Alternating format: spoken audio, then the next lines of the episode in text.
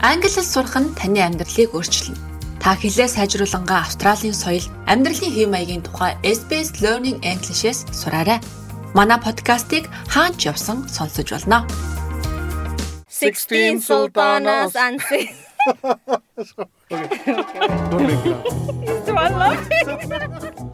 Hi, I'm Janice Peterson from SBS World News, and I'm here to help you improve your English pronunciation. I'll explain how to make sounds that can be tricky to distinguish and also give you some ways to practice them. Pronunciation with SBS Learn English and me, Janice Peterson. Let's start. Last week, my friend Jenny went to get a haircut. She asked the price and she thought the hairdresser said 16. What a bargain! But when she got to the cash register, she found out it was actually 60. What a shock! Jenny's problem was that she had trouble hearing the difference between the numbers that end in teen, like 16, and numbers that end in T, like 60. Today, we're going to look at those sounds and work out the difference. First, let's talk about syllables. A syllable is a single sound that has a vowel.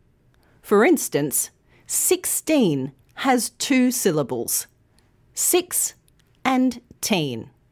So does 60, 6 and T. The word Australia has four syllables. Australia.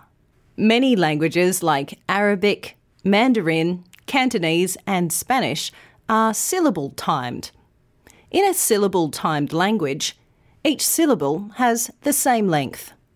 But English is different. English is stress timed. This means that some syllables are longer, while others are shorter. But how do you know which syllables to make long and which ones to make short? Don't worry. Let's go through some examples and it will become easier to understand. Have a listen to these words 13, 14, 15, 16. The second syllable, teen, is long and clear. It's the stressed syllable. Try listening again and say these words with me 13, 14, 15, 16. Okay, this time have a listen to these words. 30, 40, 50, 60. This time, the first syllable is long and clear. The second syllable, T, is shorter. That means it's unstressed. Have another listen and say these words with me 30, 40, 50, 60. Knowing these stress patterns can help you hear the difference between words that sound the same. I'm planning a party list. If you want, you can say it with me. With us today are learners from AMEP at TAFE, New South Wales, St Leonards. Let's put it all together and have some fun with it. I'm going to buy 13 tomatoes and 30 toys. 13 tomatoes and 30 toys. 14 fish and 40 falafels. 14 fish and 40 fluffies. 15 forks and 50 flowers. 15 forks and 50 flowers. 16 sultanas and 60 shells. 16 sultanas and 60 shells.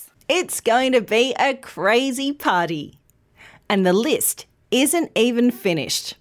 17 sausages and 17 slices of salmon, 18 eggs and 80 eclairs, 19 nachos, and 19 nuggets. nuggets.